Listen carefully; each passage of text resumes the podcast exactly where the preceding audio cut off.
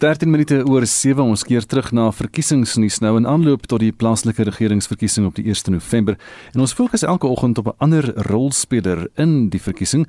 Verskeie politieke partye het hulle burgemeesterskandidaate in die aanloop tot die munisipale verkiesing bekend gemaak.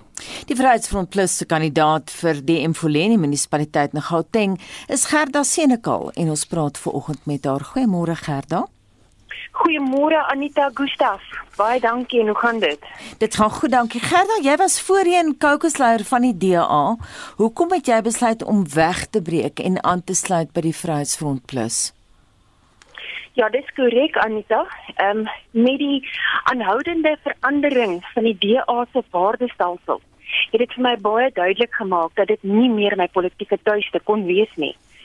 Ek het uitgegaan en ek het gaan kyk vir 'n ander politieke party wat vir my daardie selfde waardestelsels kan bied waarin ek gewoond is en waarin ek eer wil gee. Gerda, wat bedoel jy by die verandering van die DA se waardestelsels? Daar was 'n aanhoudende verandering volgens die stemme waantoe hulle wil jaag. Daar was nie meer vir my 'n duidelike pad gewees waantoe ons wil, wil beweeg nie. Daar was altyd aan die tradisionele kiesers aan aandag gegee en aan hulle waardestelsels was daar altyd na gekyk. Met die verandering bedoel ek met die verandering van die BEE ehm um, en nie op uh, by meriete waar aan mense vas moet aangestel word vir enige beroep nie. So dit het was vir my 'n probleem gewees. Baie van ons mense en ons baie van ons kinders se mense het het gelei dat daar geen werk meer was vir hierdie tipe van mense nie. So vir my was dit 'n baie belangrike punt gewees om te kyk laat ons op meriete stelsel mense aanstel in die regte werk. Gerda, wat maak van jou uh, 'n goeie kandidaat om as burgemeester te dien daar in in die Mfuleni gebied? Sjoe. Ehm um, ek dink nie ek dink nie ehm um, ja, Infoleniese probleme is legio. Dit is dis ontelbaar. So uh, vir my ek dink nie ek almal sal sê dis die ek is die regte kandidaat nie, maar ek is definitief die die regte persoon om die probleme aan te pas. Ek staan nie terug vir enige probleme nie. Ek staan nie terug vir vir enige ander politieke party se se ek wil nou anders sê se swart smeerdery nie en in daardie opsig dink ek ek is 'n goeie kandidaat om influensiese probleme aan te pak en vir die publiek 'n beter lewe hier te kan gee. Gerda, jy praat nou van die legio probleme daar. Ons weet dat influensiese skuld aan Eskom beloop meer as 'n miljard rand. Wil jy uitbrei daarop? Sjoe, ja, dit is as gevolg van historiese se ek gaan nou amper sê in Engels as skies dit wat hulle al aangegaan het vanaf 2015 14 finansiële jaar en dit het opgehoop. Dit kan ek toeskryf net aan wanbestuur. Ons almal weet dat in September vroeër hierdie jaar was daar 'n hofspraak toegeken aan aan Eskom om 1.9 miljard rand by ons te eis as gevolg van hierdie historiese ehm um, skuld.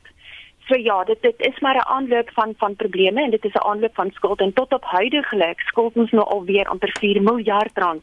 En ek kan nou al sê oor 2 jaar gaan ons wel weer terugkyk en dan gaan ons weer praat van historiese skuld wat ons nog steeds nie kan afbetaal nie. Hoekom kan Empoleni dit nie betaal nie?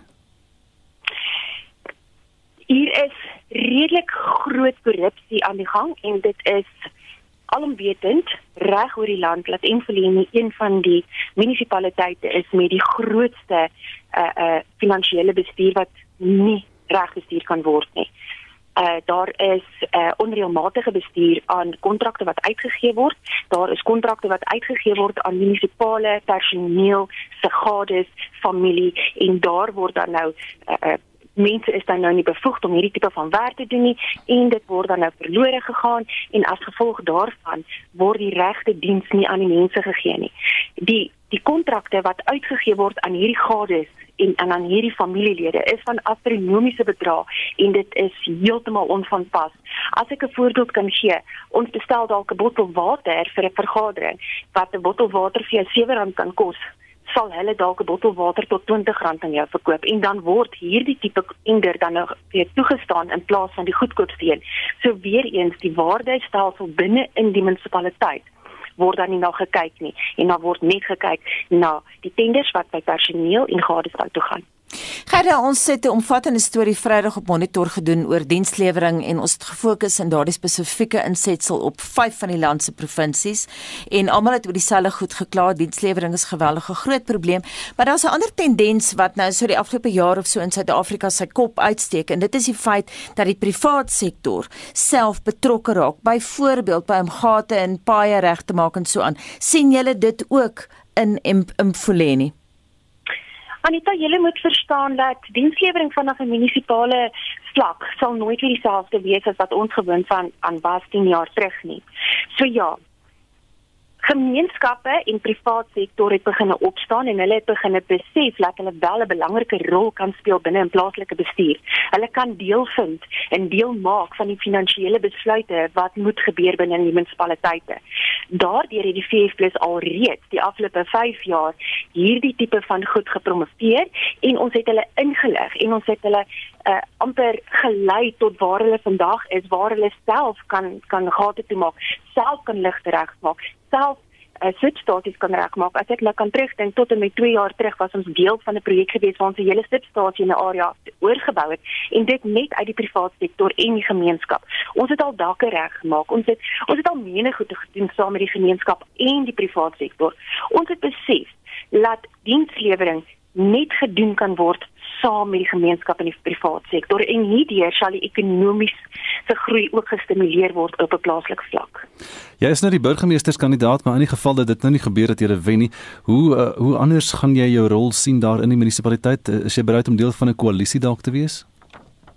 Ons is beslis bereid om deel van 'n koalisie regering te wees en ons sal nog steeds aangaan met die stappe wat ons nou al reeds in plek gesit het vir die gemeenskap in die private sektor sal ons dan net voorthou uh, ons hoop en ek glo dat daar die by die stempunte vir ons 'n bevestiging sal gee dat die publiek meer vertroue in ons sal plaas sodat ons verteen meer verteenwoordiging gaan kry en met die meer vermeerde verteenwoordiging glo ek ons sal daardie beleid kan verander tot gunste van van die publiek en die private sektor.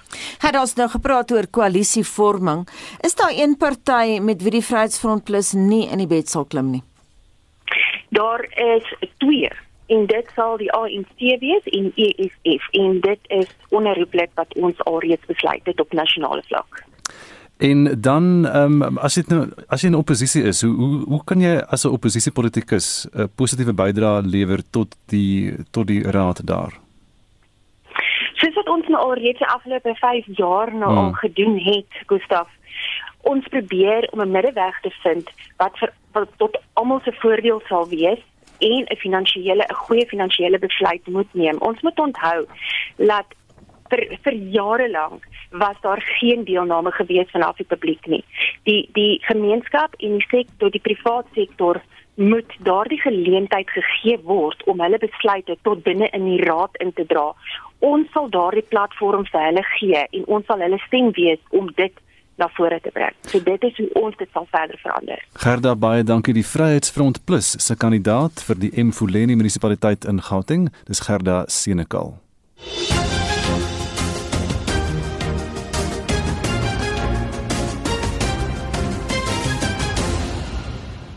Put toilette, geen lopende water en 'n tekort aan skryfbehoeftes is steeds 'n realiteit by baie skole in Suid-Afrika.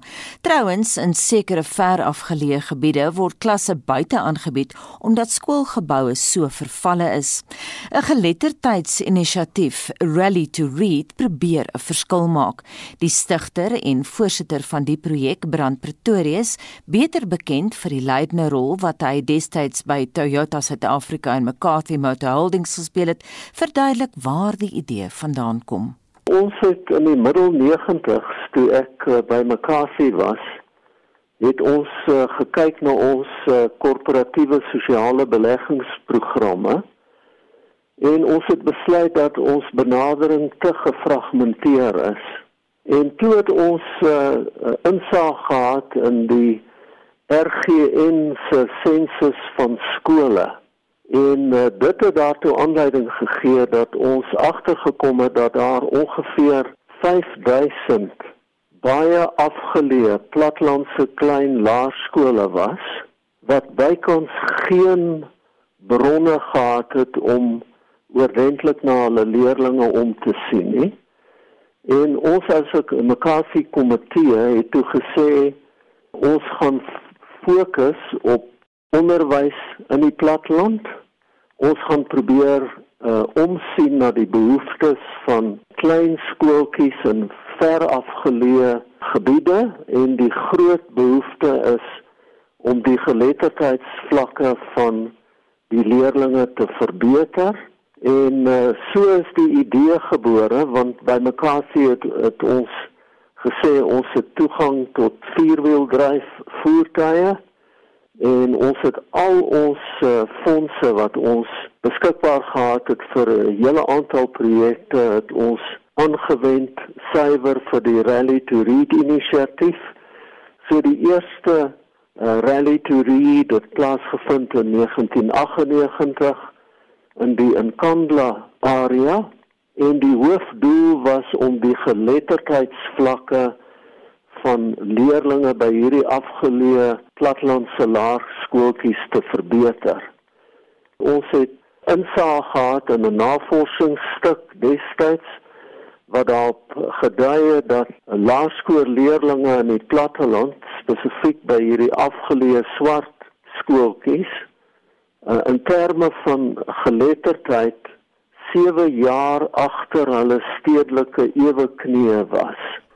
En uh, dit het uh, vir ons ons oë oop gemaak en oor die jare het ons uh, rally to read uitgebrei maar die hoofdoel bly steeds om aan die skole boeke te verskaf en dan ook uh opleidingsbeamptes te kry wat vir die onderwysers help om hierdie boeke uh, doeltreffend aan te wend.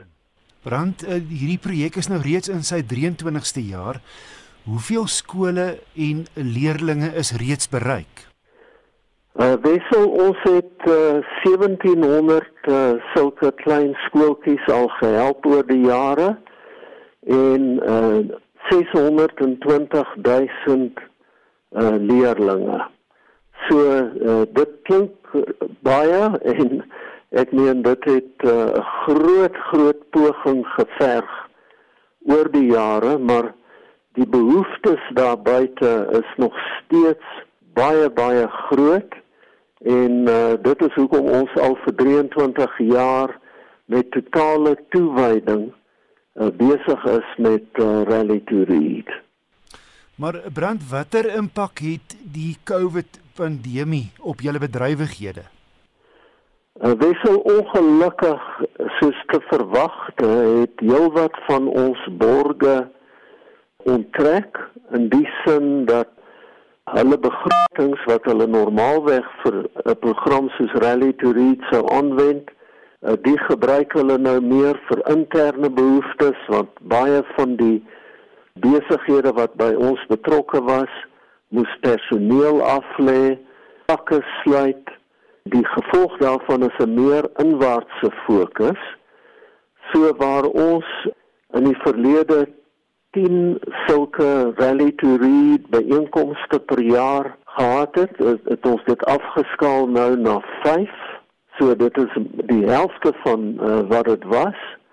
Maar ons uh, sien daarom nog steeds om op 'n jaarlikse basis na ongeveer 60 sulke klein uh, afgeleë skooltjies wat bykans geen bronne soos leesmateriaal tot hulle beskikking het nie.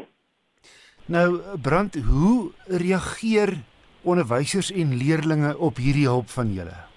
Uh, wissel die reaksie op die hulp wat ons aanbied is verstommend goed. Ons kry ongelooflike samewerking van skoolhoofde en onderwysers. Dit maak so groot verskil uh, aan hulle vermoë om uh, behoorlike geletterdheidsvlakke in hulle skole uh, teweeg te bring en natuurlik uh, die leerders floreer uh, deur middel van hierdie hulpmiddels en ons is gelukkig in die sin dat ons van die hoë potensiaal leerders se toekoms noukeurig navors. En uh, ek kan maar net sê dat uh, ons gevalle het waar uh, een spesifiek uh, verlede jaar een van ons rally to read skoolleerders het gematrikuleer met sewe onderskeidings en sy studeer hierdie jaar by die Universiteit van die Witwatersrand in in aktuariële wetenskap en so is daar talle gevalle studies van uh, kinders wat uit hierdie uiters armoedige platlandse omstandighede kom en wel die potensiaal het om absoluut uitstekend te doen op universiteit. En so sê Brand Pretoria stigter en voorsitter van Rally to Read en hy het met Wessel Pretoria gepraat. Belangstellendes kan die inisiatief, dis nou Rally to Read se webtuiste besoek. 733 en bokondersteuners glimlag breed na die naweek en daar was ook heelwat ander sportaksie. Goeiemôre Pieter. Môre sien Anita. Is jy 'n gelukkige man vanoggend of sedert die naweek Pieter? Weet jy, ek dink ons het uh, vir 'n paar weke het ons maar bietjie klippe gekou, maar die bokke het baie baie goed gevaar Saterdag. Ek moet jou sê in een stadium was ons 20-11 agter geweest en uh, ja, um, ek dink die besluiter, die regte besluiter was geneem om die regte skoppe na die palle te neem. Frans Steyn, hy het 'n groot impak gemaak toe hy op die veld verskyn. Elton Jantjies het uh, ook met 'n uitstekende skepdoel geslaag en 'n strafdoel heel hier aan die einde van die wedstryd en die eindtelling uiteindelik Suid-Afrika teen die All Blacks in hierdie kragmeting 31-29 en dit was natuurlik Suid-Afrika se laaste wedstryd in die kampioenskapsreeks en met die oorwinning is die Bokke nou nommer 1 op die wêreldranglys weer. Nou wat die finale punte stand aan betref, die All Blacks het op 25 punte geëindig in die kampioenskapsreeks, Australië op 18, Suid-Afrika met 15 en Argentinië kon nie enige punte aanteken nie. En dan verloor in uh, die dag, dis nou Saterdag, was dit Australië wat vir Argentinië met 32 17 geklop het. En dan moet ons ook loer na die Verenigde rugby kampioenskap daar was uh, vier wedstryde waar Suid-Afrikaanse spanne betrokke was. Nou die Lions het pak gekry, Scarlets was baas met 36-13, dan in Konagt vir die Bulle geklop, die Bulls met 34-7, die Sharks het pak gekry 35-24 was die Glasgow Warriors daar aan die wenkant geweest en dan die Stormers Hulle het ook pak gekry 34-18 wat Munster die Stormers afgestof het. So nie 'n goeie uh, naweek vir ons uh, franchise spanne nie, maar die Bokke uitstekende rugby gespeel. Pieter, voordat ons wegloop van die Bokke, is dit tog belangrik om te sê ek weet nie of jy Vrydag na Monitor luister die hele program nie, maar ons SMS vraag was geskoei op die wedstryd en ek moet hmm. sê meeste luisteraars het glad nie gedink die Bokke gaan wen nie. Trouens een van die hulle moes toe ook voorspellings gee nê oor wat hulle nou dink wat sal gebeur. Hmm van die voorspellings was dat hulle met 20 punte gaan verloor. Was jy verbaas? Weet jy, uh, ek dink dat um, ons as ons kyk na die vorige wedstryd was ons iets wat bekommerd geweest want ek dink niks wou regtig regloop vir die bokke nie, maar ek dink Saterdag was daar individue wat die groot verskil gemaak het. Ek dink in die toe ons 2011 agter was, het ons twee belangrike skoppe paal toe geneem, daar die telling kleiner gemaak, uh, die gaping laat krimp na 2017 toe. So nee, ek dink dat uh, die regte besluite is geneem en toe die impak van die plaasvervangers was enorm geweest. En ek dink dat as individue het hulle uitge staan Fransstein byvoorbeeld, die Jantjies byvoorbeeld, Elton Jantjies. Uh, ek dink dit het die verskil gebring, maar weer eens uh die die feit dat die bokke nie gaan lê het nie. Daardie veggees uh was uitstekend geweest, uitmuntend geweest en ek dink dat baie mense het 'n groot telling teen ons verwag, maar ek dink uh die die hele bestuurspan, afrigtingspan van die bokke en die spelers self kan baie baie gelukkig voel want Anita, as hulle sou terugkom met 'n verloor, het ons met ander woorde 'n hele rits wedstryde in 'n ry sou ons verloor het en dit sou nie goed gewees het vir Bokrugby nie. Nou lê die eindjaar toer voor hier in ehm um, November maand. Dan gaan ons Groot-Brittanje toe en ek dink uh, die bokke is sommer met nuwe vuur en uh, ywer wat hulle daardie toer gaan aanpak. Suid-Afrika se binderbroers was gister in die FSA tydens die MotoGP reeks in aksie. Hoe het hulle gevaar, Pieter? Ja, nie te goed nie. Kom ons loer eers na die MotoGP, die hoofwedren Marc Marquez. Hy het weer sy absolute beste uitgestol uit daardie wedren gewen. Hy het 4 sekondes, 4.5 sekondes voor uh, Quartararo op 'n Yamaha geëindig. Dan Bagnaia op 'n Ducati was derde gewees, 8 sekondes agter Marquez. En dan Suid-Afrika se Brad Binder het in die MotoGP wedren het hy daar 9de geëindig, 15 sekondes agter die wenner. En dan in Moto3 was dit Darren Binder van Suid-Afrika wat gister 'n sewende plek behaal het. Die jaarlikse Alfred Daniel Links Golfkampioenskap het donderdag begin en gister geëindig. Watter spelers se name was bo aan die voorlopersbord? Ja, 'n baie interessante ehm um, toernooi natuurlik. Die ou baan van St Andrews word gebruik, Carnoustie asook Kingsbaan daar in Skotland. 5 miljoen Amerikaanse dollar was op die spel gewees. 21 Suid-Afrikaners het deelgeneem, maar as Danny Willett wat daar gesê het op 1800 syfer, dit was twee oor beter as Langeren en Hatton wat beide op 1600 was. Dien Bemester, die besgeplaasde Suid-Afrikaner, hy het op 1300 geëindig sien uh, Thomas Eiken, Brandon Grace en Enya Duffy. Hulle was onderskeidelik op 8 en 700 en 700 Duffy. So Eiken, Grace en Duffy ook redelik goed gevaar, maar Dean Bumester die beste Suid-Afrikaner. Dan in die VS was uh, alle golf oorgeruk op die Sanderson Kampioenskap daar in Jackson en Sam Burns. Hy het daar gesê vir op 2200 syfer een nou beter as Watney en Young. En dan Dylan Fertelli, hy was 39ste op 1100. En dan hier in Suid-Afrika is die Woudekom toernooi op Humoot voltooi daar in die Oos-Kaap. Reën en wind het uh, deur die loop van die toernooi heel wat uh, amok gemaak uh, daar en die beste telling was 500 syfer die van Daniel Green van Suid-Afrika wat uh, op 500 was. Hy het die uitspeelstryd teen Tristan Strydom gewen wat ook uh, op 500 geëindig het. Steve Surrey, Christian Mason en Malcolm Mitchell, hulle was almal op 400 syfer. Kom ons verplaas die fokus na die cricketveld en die Indiese Premier League, Pieter. Ja, daar was gister twee wedstryde gespeel. Dit is die Royal Challengers Bangalore wat met ses lopies gesiefvier het oor eh, die uh, span van ehm um, kom ons nou die Punjab Kings en uh, daardie wedstryd 164 vir 7 wat uh, aangeteken is deur die Royal Challengers Bangalore en dit was 'n antwoord op die 158 vir 6 wat uh, deur die alle teenstanders aangeteken is. Dan kyk hy aan die Kolkata Knight Riders. Hulle het 'n oorwinning van 6 paaltjies behaal en dit was oor die uh, Super Kings en uh, nee, verskoning, dit was oor die Sunrisers Hyderabad en dit was met 6 paaltjies wat hulle dan daardie wedstryd wen. Vandag is daar een wedstryd wat gespeel word. Dit is uh, vanmiddag om 4:00 Suid-Afrikaanse tyd wat uh, die Delhi Capitals teen die Chennai Super Kings op die veld gaan stap. Vrydag het jy genoem dat uh, albei Suid-Afrikaners in die ATP toernooi in San Diego sommer vroeg uitgeskakel is. Wat het toe verder daar gebeur? Ja, dis 'n baie interessante toernooi uh, in die halfeind en as ek gou vinnig loop na Cameron Norrie wat met uh, die eerste gekeerde uh, Andrei Rublev van uh, Rusland afgereken het en Casper Ruud die tweede gekeerde uit vir Grigor Dimitrov geklop. Nou in die finaal is dit Ruud, Casper Ruud wat toe vir Cameron Norrie wat omgekeer het met 6 stroop en 6-2 daar geklop het. Dan beweeg ons na die WTA toernooi. Dit is uh, ons Javier wat sesde daar was uh, op die keurlys wat 'n pak gekry het in die eindstryd. Dit was drie stelle.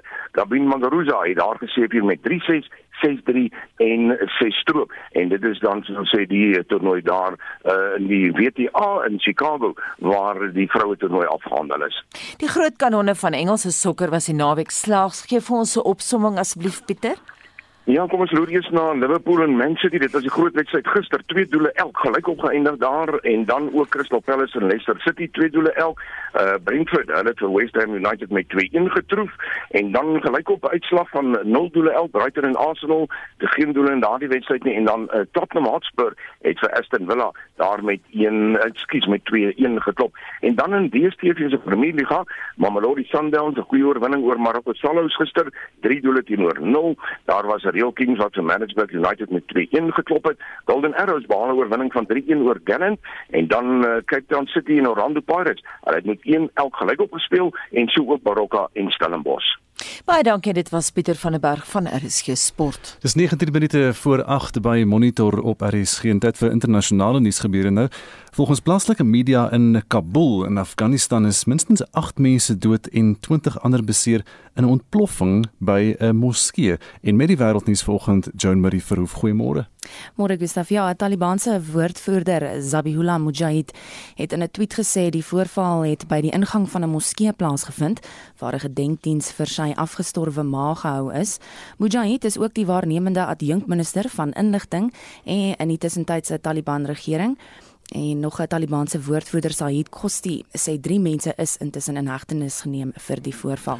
En dan in die Meksikaanse hoofstad natuurlik Mexico stad het die 53ste herdenking van die massaslagting op betogende studente in geweld ontaard. Dis reg ja, duisende betogers het die onluste polisie met klippe en ander voorwerpe geteiken en gedreun terwyl hulle vuiste in die lug geswaai het. Betogers het is met traanrook uiteen gejaag. In 1968 is minstens 30 mense volgens amptenare deur veiligheidsmagte doodgeskiet in die Tlatlolko distrik. Ooggetuies meen egter soveel as 300 mense is dood. Die betogende studente het demokratiese hervormings geëis. Net so effens noord dan van Mexico strande aan Kalifornië se suidkus is gesluit weens 'n oliestorting in daai gebied. Dis 'n reuse oliestorting van sowat 3000 vatte olie. Honderde voëls en visse lê op die strand uitgespoel. Huntington Beach se burgemeester Kim Carr vermoed dit is die grootste oliestorting in die staat se onlangse geskiedenis. Die rampgebied strek sowat 33 vierkante meter. We are in the midst of a potential ecological disaster here in Huntington Beach. And as the exhibits and pictures here illustrate, the oil spill has significantly impacted our community. In the Huntington Beach in California se burgemeester Kim Carr. En op die eiland Guanaya in Honduras het 'n groot brand verwoesting gesaai. Meer as 200 huise en besighede is vernietig of beskadig. Honderde inwoners is ook gedwing om te vlug. Beeldmateriaal op sosiale media wys hoe inwoners met slegs emmers probeer om die brand te bestry. Die Hondurese lugmag het die vlamme vanuit die lug probeer blus. Geen lewensverlies is aangemeld nie, maar die skade is enorm want die eiland het nie sy eie bestrydingsdienste nie. Joan Marie verhoef met 'n blik op wat in die wêreld gebeur voor vanoggend. En terug in Suid-Afrika, die Aardklop Kunstefees het die naweek vir die eerste keer ooit nie op Potchefstroom plaasgevind nie. Musiek en teatervertonings is by die Afrikaanse Hoërseunskool en die Atterbury Theater gehou, maar die grootste deel van die program het by die Voortrekker Monument in Pretoria plaasgevind. Anne-Marie Jansen van Vuren was daar en het aan feesgangers gevra wat hulle daarvan dink. Ek dink dit is 'n fantastiese idee. Ek dink vreeslik baie mense sal dit kan bywoon, want die parkering is wonderlik, die ligging is gaaf, is sentraal, die weer is goed en ek dink dan kan almal sommer net weer onthou dat daar 'n voortrekker monument is. Ina Immelman My naam is Anton. Ek steun die idee dat aardklop hierdie jaar by Voortrekker Monument is. Ervaar dit baie positief. Dis lekker. As jy uit Afrikaanse oogpunt uitkyk, kan ek sê dit is net baie goed. Voortrekker met kom ons nou maar van ons boeregemeenskap af en so kan jy mos net nou maar Afrikaans verder bevorder. Dis JP Vroneman. Kyk, ek was baie opgewonde toe ek uitvind dat dit actually by die monument is of in Pretoria is. Ek het bietjie meer verwag meer mense, meer festive vibes om eerlik te wees. Maar sover die experience was my great die, kunsuitstalling. Is eintlik al hoekom ons gekom het en om die oud en die nuwe bymekaar te sit, dis was nog 'n ondervinding, ek moet sê. Jacqueline Groenewald. Die monument is so 'n belangrike ding en dit's nie baie meer so 'n tourist attraction nie. So om hierdie kuns te kom bring en wil dat hulle meer mense hê en nou ook met die geskiedenis deel, nou is daar meer kuns ook. So dis my so 'n mooi mengsel tussen die kuns en die geskiedenis. So dit lok meer mense aan. Marilise Wild. Ek dink dit is 'n baie goeie idee dat dit by die Voortrekker Monument is om ons erfenis te behou en ek weet dat jaarliks gaan baie mense van Pretoria of Potchefstroom toe en dit maak dit nou net baie makliker om meer vertonings by te woon. Natasha Bosman. Al die pad van Potchefstroom Pretoria toe gery om na ons eie aardklop toe te kan kom. en wat dink jy daarvan? Ek dink dit is great, maar ek sien uit dat hy weer terug is in Potchefstroom en dit was feesgangers wat die aardklop kunstefees in Pretoria bygewoon het en Anne Marie het met hulle gepraat. Nou ons bly by hierdie storie die aardklop kunstefees het ook daarvoor gesorg dat 'n kontemporêre kunsuitstalling vir die eerste keer in die Senotafsaal van die Voortrekker Monument uitgestel word. Die kunstenaar Johan Stegman sê dis ideaal omdat sy uitstalling oor die slag van Bloedrivier juis oor die hede en die verlede uh, gaan, so het hy dit aan Anne Marie Jansen van Vuren verduidelik. Ja, ek het hierdie groot eer gekry om die eerste kontemporêre kunstenaar te wees om uit te stal binne die Voortrekker Monument. En my uitstallingsnaam is 'n goeie dag vir 'n slag wat swaar vir tweeledige betekenis het. Dit is uiteindelik 'n goeie dag en ook 'n goeie dag om te slag. En dit gaan oor my belangstelling in die geskiedenis en spesifiek in die geskiedenis van my voorsate en 'n uh, gewaarwording as mense in die geskiedenis rondkrap van hoe dit maar altyd 'n tweeledige affære is. En die storie van Bloedrivier is natuurlik 'n storie wat graag meer oor gepraat wil word omdat ek altyd daai daai skildery in mense se huise gesien het, is dit 'n onderwerp wat ek wou doen. Jy het ook 'n baie treffende beeld van die voortrekker vrou met 'n geweer in baie van jou sketse. Wat beteken dit? Hoekom? Een van my werke, al die mooi vroue bly in Orania, bevat hierdie beeld van die voortrekker vrou met gewere besig om homself te verdedig wat 'n mens sien op die marmervries hier binne en 'n mens kan ook hier langs van my werk dit sien in een van die makette wat permanent hier uitgestal word. Dis nou die maket waar hulle daardie marmervries beplan het. Ja, dis maar 'n treffende beeld want aan die een kant is, is hulle in hierdie baie konservatiewe drag geklee en in vandag se tyd is die hele idee van konservatiewe drag vir vrouens nogals onder die loop, maar terselfdertyd omdat hulle so sterk staan met hulle gewere en hulle is besig om hulle self te verdedig, lyk dit amper nogals soos die toonbeeld van feminisme. So Ek wou graag daarmee werk omdat die hele idee van die ideale Afrikaanse vrou is nogal so 'n spook wat by my gedagtes rond spook gereeld. En toe vind ek 'n interessante manier om daarmee te werk want ek wou graag die omgewing waar ek vandag werk en lewe in die middestad van Johannesburg in Augusthouse ook uitbeeld. So hierdie beeld wys die straat en street en 'n yskas wat uit die venster uit gegooi word en 'n vrou wat 'n bom vashou en die vrouens met die gewere besig om in die straat in te skiet met die onluste, die onlangste onluste wat in die strate aangaan. So ek het gedink dit sal snaaks wees om daai stereotypiese idee van heelbrau te vat en jy plaas die vrouens binne daai posisie besig om hulle laar self te verdedig. En dan ek dink ons 'n bietjie van 'n juxta posisie van die vrou van vandag teenoor die voortrekker vrou of ten minste hoe sy in hierdie monument uitgebeeld word ons is nou in 'n historiese plek, maar jy gebruik baie elemente van wat ons in die huidige samelewing rondom ons sien. Dit lyk amper of ek na 'n strokiesprent kyk. Hoe het jy te werk gegaan om dit te doen? Of? Ja, so baie van hierdie beelde, die basiese idees as jy vinnig daarna kyk, veral omdat dit 'n ets is en dit baie verwys na ou klassieke Europese kuns. Die tipe kuns wat as ek in 'n museum in Madrid is en ek kyk na daardie werk dan vertel dit vir my 'n spesifieke geskiedkundige storie, maar ek wil graag glo dit moet waar wees want dit is so mooi.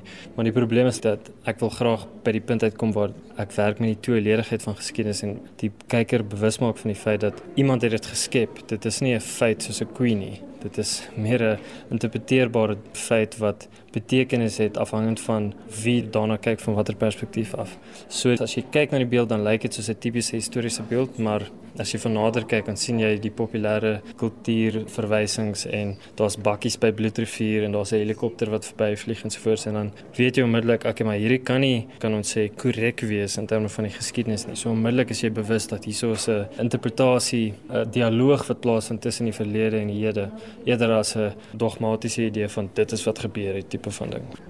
Wat inspireer jou oor wie om in jou prentjies in te sit? Ek het vir Bouwer Bosch gesien, ek het hmm. vir die man in die groen kombers van Marikana gesien. Hmm. Hoe besluit jy? Ehm um, mense maak 'n verskyning in die werk afhangend van wat hulle rol is in die land vandag of hoe ons oor hulle dink. Daar's sekere voorafgestelde idees wat gaan saam met 'n sekere persoon. Bouer Bosch byvoorbeeld, toe ek hom geteken het, destyds het ek hom nie geken nie, maar hy het swaaf op my radar gekom omdat hy besig was om versoeningsgesprekke te doen en ek het in daardie spesifieke werk uit my eie persoonlike ervaring die belangrikheid ontdek van om 'n gesprek te hê oor die brug van versoening en die verskil tussen geloftedag en versoeningsdag. En die enigste persoon wat ek kon gebruik is 'n metafoor wat almal sal sal weet wat hy verteenwoordig wanneer ek hom daar plaas wat ek van geweet het op daai stadium was Bourbosch. So, dis hoekom hy self daar op die brug staan.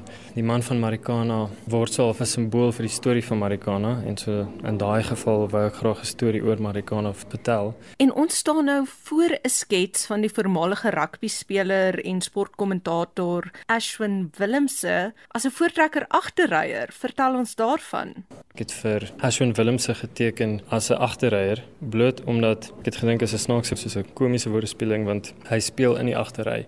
Maar natuurlik is daar 'n hele konnotasie wat saam met hom gaan en die hele diskurs agter sy rasisme saak ensovoorts. En dit is baie keer 'n baie effektiewe manier om geskiedenis lewendig te maak wanneer ek intuïtief begin voel dat goed saamwerk. So in die geval van die agterryers, daar is nie verskriklik baie geskiedenis oor die agterryers nie en ek voel ek nie regtig asof ek genoeg het om 'n goeie storie te vertel oor die agterryers nie. Maar daardie hele seer wat in Ashwin Willems Willemse is en die sensitiwiteit om sy storie het vir my intuïtief baie sin gemaak saam met die vraagstuk oor wie was die agterreërs was hulle effektief slawe of was hulle deel van die familie? Was hulle gelyk aan hulle wit meesters of nie? Wat was die verhouding daar gewees? En aan die een kant kan mense lang boring akademiese boek skryf maar ek het gevind ek maak 'n prentjie van Ashwin Willemse en ek ek weet nie wat is al die woorde nie maar maar tog voel dit asof iets van die waarheid van die verhaal sit daarso en snaakse storie Ashwin Willemse het daai prentjie gesien en hy het my toe gebel en ek tog toe hier kom na die grootste losing van my lewe maar hy hou verskriklik baie van die werk so dit sê ook vir my ek het ietsie van die waarheid daar beet gekry alhoewel ek nie noodwendig die woorde het om dit om te beskryf nie En dit was dan die kunstenaar Johan Stegman en uh, sy kuns word nog hierdie week by die Voortrekker Monument uitgestel. Hy het met Anne Marie Jansen van Vuren gepraat. Daarom nog SMS terugvoering Estie. Bets Ferreira skryf ons sal graag weer teater toe wil gaan, maar as ouer persone sal ons die Sondagmiddag vertonings bywoon. Ons geniet op die oomblik die baie produksies en optredes wat op televisie uitgesaai word al is alles nie nuwe optredes nie. En Susan Engelbreg laat weet, ja, ek sien uit na 'n bietjie kultuur. Ek is nie lief vir massas mense nie, maar ek sal weer gaan fliek opvoerings kyk, maar steeds saniteer en my masker dra. William Jumat sê ek sal die nuwe James Bond rolprent ondersteun, maar sal steeds die inperkingsmaatreëls nakom. En Larry Grywenstein sê verseker gaan ek kunstefeeste ondersteun sodra dit weer oop is vir besoekers ter plaatse aanlyn feeste is net nie die aanlyn uh, feeste is net nie die ware Jakob nie. En Tilla sê my dogter het 'n balletskool in Pretoria en het elke jaar 'n balletproduksie by die Staatsteater. Dit kom vir die afgelope 2 jaar nie plaasvind nie en die ouers maar vir al die 200 plus balletdansers mis dit baie en kan nie wag vir die volgende konsert nie wat sy hoop om einde Maart op die planke te sit. En Fes Albin sê ek sal beslis die kunste en vermaaklikheidsbedryf ondersteun want sonder die bedryf is die lewe vervelig. Baie dankie vir jou terugvoer vanoggend. January, wat is alles op die dagboek vir Spectrum later vanmiddag om 12? Kusaf so wat 30 leeu's is uitgesit weens die onlangse brande in die Vrystaat. Ons kyk na die bekendmaking van benoemings vir die nuwe hoofregter en internasionale media gons oor die Pandora verslag. In Spectrum kyk ons hoe Afrika betrokke is. Onthou vorige uitsendings van Monitor Spectrum naweek aktueel en kommentaar is op RC se webblad as 'n potgooi beskikbaar. Gaan na www www.rsg.co.za. En so kom ons aan die einde van vandag se program. Ons uitvoerende regisseur is Nicoline de Wee, ons redakteur vanoggend Wessel Pretorius en ons produksieregisseur vandag Daitrin Godfrey. Monitor is môreoggend om 6:00 terug. Helena is nou reg met die 8:00 nuus. Ek is Gustaf Greiling en ek is Anita Visser.